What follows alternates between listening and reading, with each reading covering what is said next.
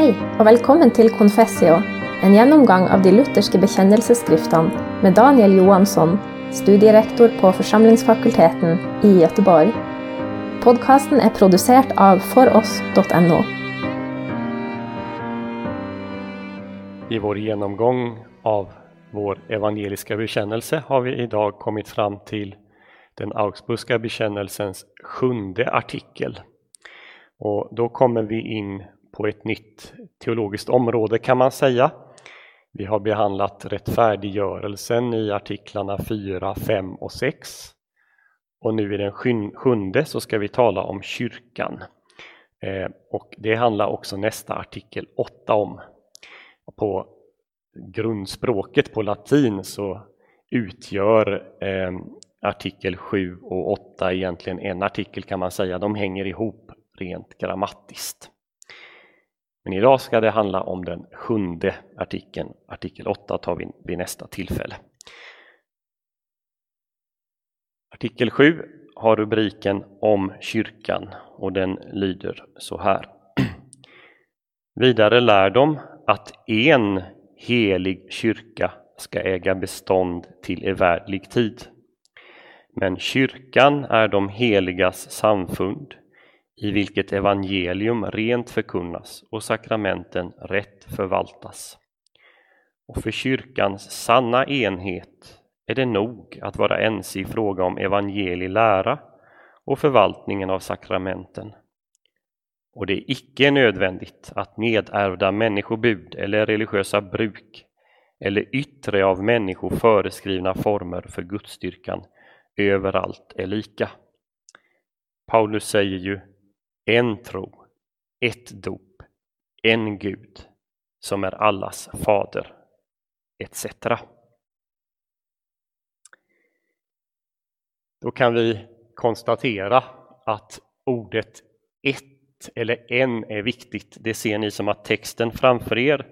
Vidare lär dem att en helig kyrka, ordet en är kursiverat i texten och Paulus citeras i Efesierbrevet 4 mot slutet där ordet en eller ett återkommer.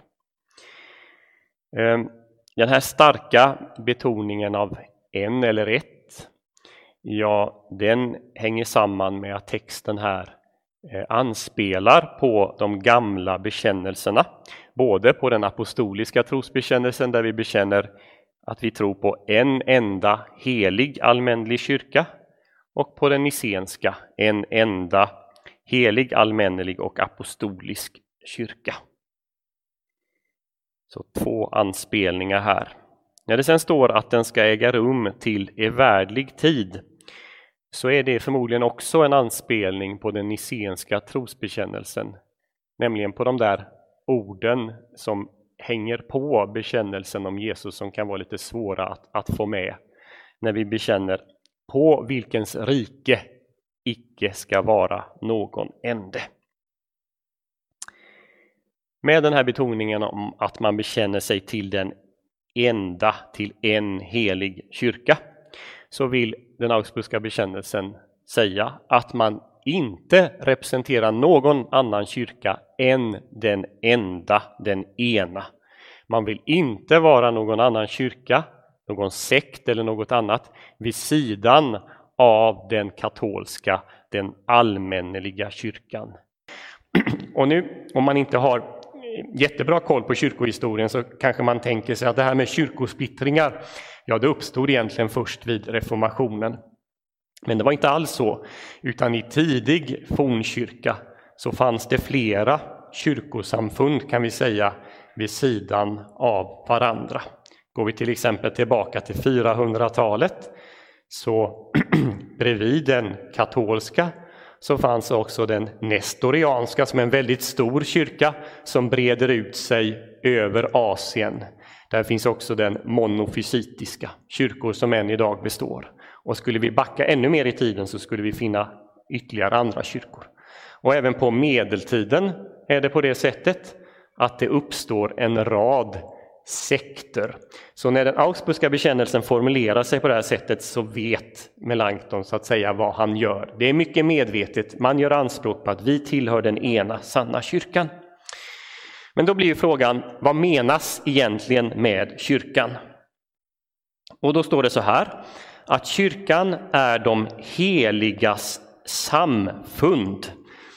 Det är precis den formuleringen vi har i den apostoliska trosbekännelsen när vi bekänner oss till det heligas samfund. Men om vi skulle läsa på det här på latin, då skulle vi finna att det är formulerat lite annorlunda. För på latin så står det commun, commun, eh, communio eh, sanctorum Eh, som man kan översätta med det heligas samfund, gemenskapen kring det heliga. Men den är lite tvetydig och det kanske ni kommer ihåg som har hört genomgången av den apostoliska trosbekännelsen att det också kan uppfattas som gemenskapen kring de heliga tingen. Melanchthon använder istället congregatio sanctorum, det heligas församling eller det heliga samlingen av de heliga. Det här är samma ord som vi har på engelska i congregation, congregatio. Men det översätts eh, till svenska på samma sätt, det heligas samfund. Det betyder alltså att det handlar om en samling av människor. En samling av kristna människor. Men de här människorna kan inte samlas hur som helst eller kring vad som helst, utan det finns något objektivt att hålla sig till. Och Det kommer i de här helt avgörande orden i vilket evangelium rent förkunnas och sakramenten förvaltas. Uttrycket handlar alltså om att samlas till, till gudstjänst. Människor som samlas till gudstjänst. Men man gör inte vad som helst i gudstjänsten, utan här ska evangelium förkunnas på rätt sätt. Det handlar om predikan. Och här får vi predikans höga ställning i vår evangeliska lära. Och det handlar om det rätta förvaltandet av sakramenten, sakramentens höga ställning i, vårt, eh, i vår kyrka. Alltså, kort och gott, det handlar om att nådemedlen brukas. Ehm, det här med att förvaltningen av sakramenten, att man ska vara överens om det, det är någonting som den Augsburgska bekännelsen sedermera återkommer till när man till exempel tar upp dopet och fördömer omdöparnas position på det och nattvarden, men det kommer vi till om några söndagar. Här i är det nödvändigt att vara ense. Och så kommer vi till den tredje frågan eller det tredje påståendet här. Var i består egentligen enheten? Vad är det som gör att man är eniga i detta det, det ehm, eh, samfund, i det heligas samfund? Ja, här ligger fokuset fortfarande på gudstjänsten det är nog att man är ense om evangelielära och sakramentens förvaltning. Och när det står evangelielära så kan man ju uppfatta det som, som trosläran. Men det är nog inte det man ska här, utan här handlar det om hur evangeliet blir utlärt i församlingen. Helt enkelt att lag och evangelium förkunnas rätt, som vi brukar säga.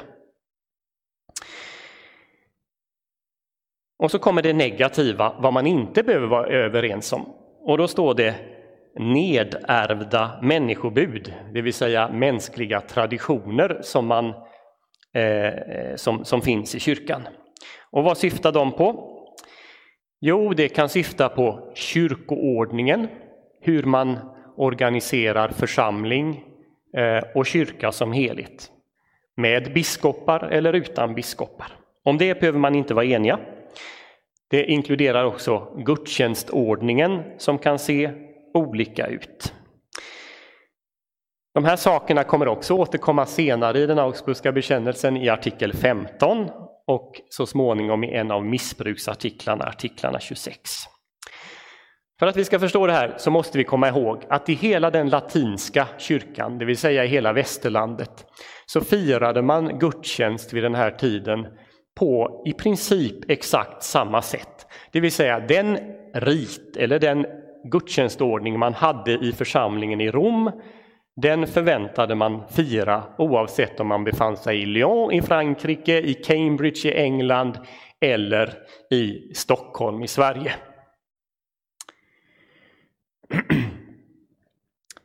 Ehm, man hade dessutom samma hierarkiska system där biskopen i Rom liksom stod över alla andra biskopar och det hade alla att förhålla sig till vare sig man var smålänning i Växjö eller man bodde strax utanför staden Rom. Mot det här bryter nu den lutherska reformationen. Vad säger de påvliga teologerna om det i sitt svar till den augsburgska bekännelsen? Jo, de säger att jo, det är gott och väl om det finns en viss liturgisk variation därför att det fanns lokala liturgier. Inte minst så hade Ambrosius i Milano skapat en egen liturgi som man, som man firade. Och man tillät vissa variationer. Men man fördömde den här punkten om det handlade om hur liturgin, alltså det som man menade måste vara gemensamt. Och de evangeliska i Wittenberg de hade vid den här tiden hunnit ändra en hel del i gudstjänsten. Inte så mycket, men ändå avgörande saker. Till exempel så hade Luther redan 1519 begärt att man skulle börja få fira nattvarden med både bröd och vin. Men som den gode pastoralteologen som han var så menade han att församlingen måste undervisas om den här saken. Och undervisade gjorde man i tre, fyra år innan man införde utdelandet av nattvardens vin också till lekmännen. På samma sätt så önskade han att predikan, gudstjänst skulle vara på folkspråk så att folket faktiskt förstod vad som sades, så att evangelium kunde tas emot och förstås. Eh, men det dröjde till 1526 innan han själv skapade en gudstjänstordning på tyska. Och när han väl hade skapat den så innebar det inte att man i församlingarna slutade fira gudstjänst på latin, utan tvärtom på många ställen fortsatte man man gjorde det inte minst därför att ungdomen skulle få lära sig tala den tidens världsspråk. Så under hela 1500-talet så firar man gudstjänst på både latin och tyska nere i Tyskland. Eh, men i de här gudstjänstordningarna så tog Luther och hans medarbetare bort de saker som man ansåg stred mot evangeliet. Och bland det som mer än något annat ansågs strida mot evangeliet var den så kallade kanonbönen, de, den bön som man bad i samband med nattvarden, nattvardens eh, eh, eh instiftelsen, liturgin kring nattvarden. Den hade man tagit emot därför att det, den, den hade alldeles för mycket av mässoffer i sig, den stred emot evangeliet om den fria nåden. I vissa delar eh, av Schweiz och Tyskland så var man mycket mer radikal. Man förändrade i princip allt som kunde förändras, gjorde allting mycket enklare. Luther i sina ordningar, han bibehöll det mesta. Och vi här i Sverige, vi kom att bibehålla den medeltida ordningen. Man tog bort det som, som stred mot evangeliet, men i övrigt så är det den gamla ordningen. Och det kan vi i någon mån se än idag, för på det sätt vi firar gudstjänst, det kan man se att det firar man också i den romersk-katolska kyrkan, om man ser till huvudsaken, till strukturen och, och så vidare. Men allt detta är fritt, säger vår bekännelse i artikel 7. För det är traditioner som har uppstått under kyrkans gång. Eh, Sen innebär det att man till varje pris måste ändra på allting? Eh, nej. Man kan bibehålla det som är gott. Artikeln innebär också att kyrkostrukturen, hur man organiserar kyrkan, kan se olika ut. Det är fullt möjligt att inom ramen för den Augsburgska bekännelsen ha en hierarkisk struktur med biskopar som vi har haft i Sverige. Eh, eller en ordning med mer fristående församlingar. Härom säger inte den Augsburgska bekännelsen här någonting. Man räknar helt enkelt med ett ämbete och ger inte biskopsämbetet någon särskild plats. För i den romerska kyrkan så är just biskopsämbetet kyrkans fundament. Något om bibelcitatet som man också väljer, Efesierbrevet 4, 4-5 är det frågan om. Det är väldigt väl valt. Om vi tar med lite innan så står det så här. Var ivriga att bevara andens enhet genom fridens band, en kropp och en ande, liksom ni kallades till ett hopp, det som tillhör er kallelse. En Herre, en tro, ett dop, en Gud som är allas fader, han som är över alla, genom alla och i alla. Det här stället talar om den kristna enheten. Vi kan vidare se att talet 1 är väldigt viktigt. Paulus han upprepar det här gång på gång. En ande, en Gud, en tro, ett hopp och så vidare. Eh, men det är också viktigt vad som inte sägs och det är det som Melanchthon har, har, tagit fasta på. För det sägs ingenting här om enhet i yttre ceremonier. Kyrkan är en kropp. Det är alltså frågan om en trosgemenskap. Och det viktiga här är anden och Herren och Gud fader. Hoppet, tron och dopet. Det sammanfattar faktiskt det väsentliga i det som Melanchthon har tagit upp i den sjunde artikeln. Jag ska avsluta med att säga någonting kort eh, om man jämför det här med, med eh, den romersk-katolska kyrkan och den, de då, ska vi säga, fristående, eller som Luther skulle kalla dem, svärmarna. När det talas om kyrkan här så kan man konstatera att man knyter den inte till en viss tid eller en viss plats eller en viss person och därför inte heller till påven. Det är ingen rättsinstitution som den medeltida kyrkan var, som är knuten till själva påvestolen i Rom. Istället så är det de troendes gemenskap där Kristus själv är kyrkans huvud. Och kyrkan avser alla troende på jorden oavsett egentligen vilket samfund man tillhör, för det viktiga är om man har den rätta tron. Och då kan vi notera att det sker en förflyttning ifrån ett yttre, en betoning av ett yttre samfund, en institution, till en, det troendes gemenskap, ska vi säga en osynlig kyrka.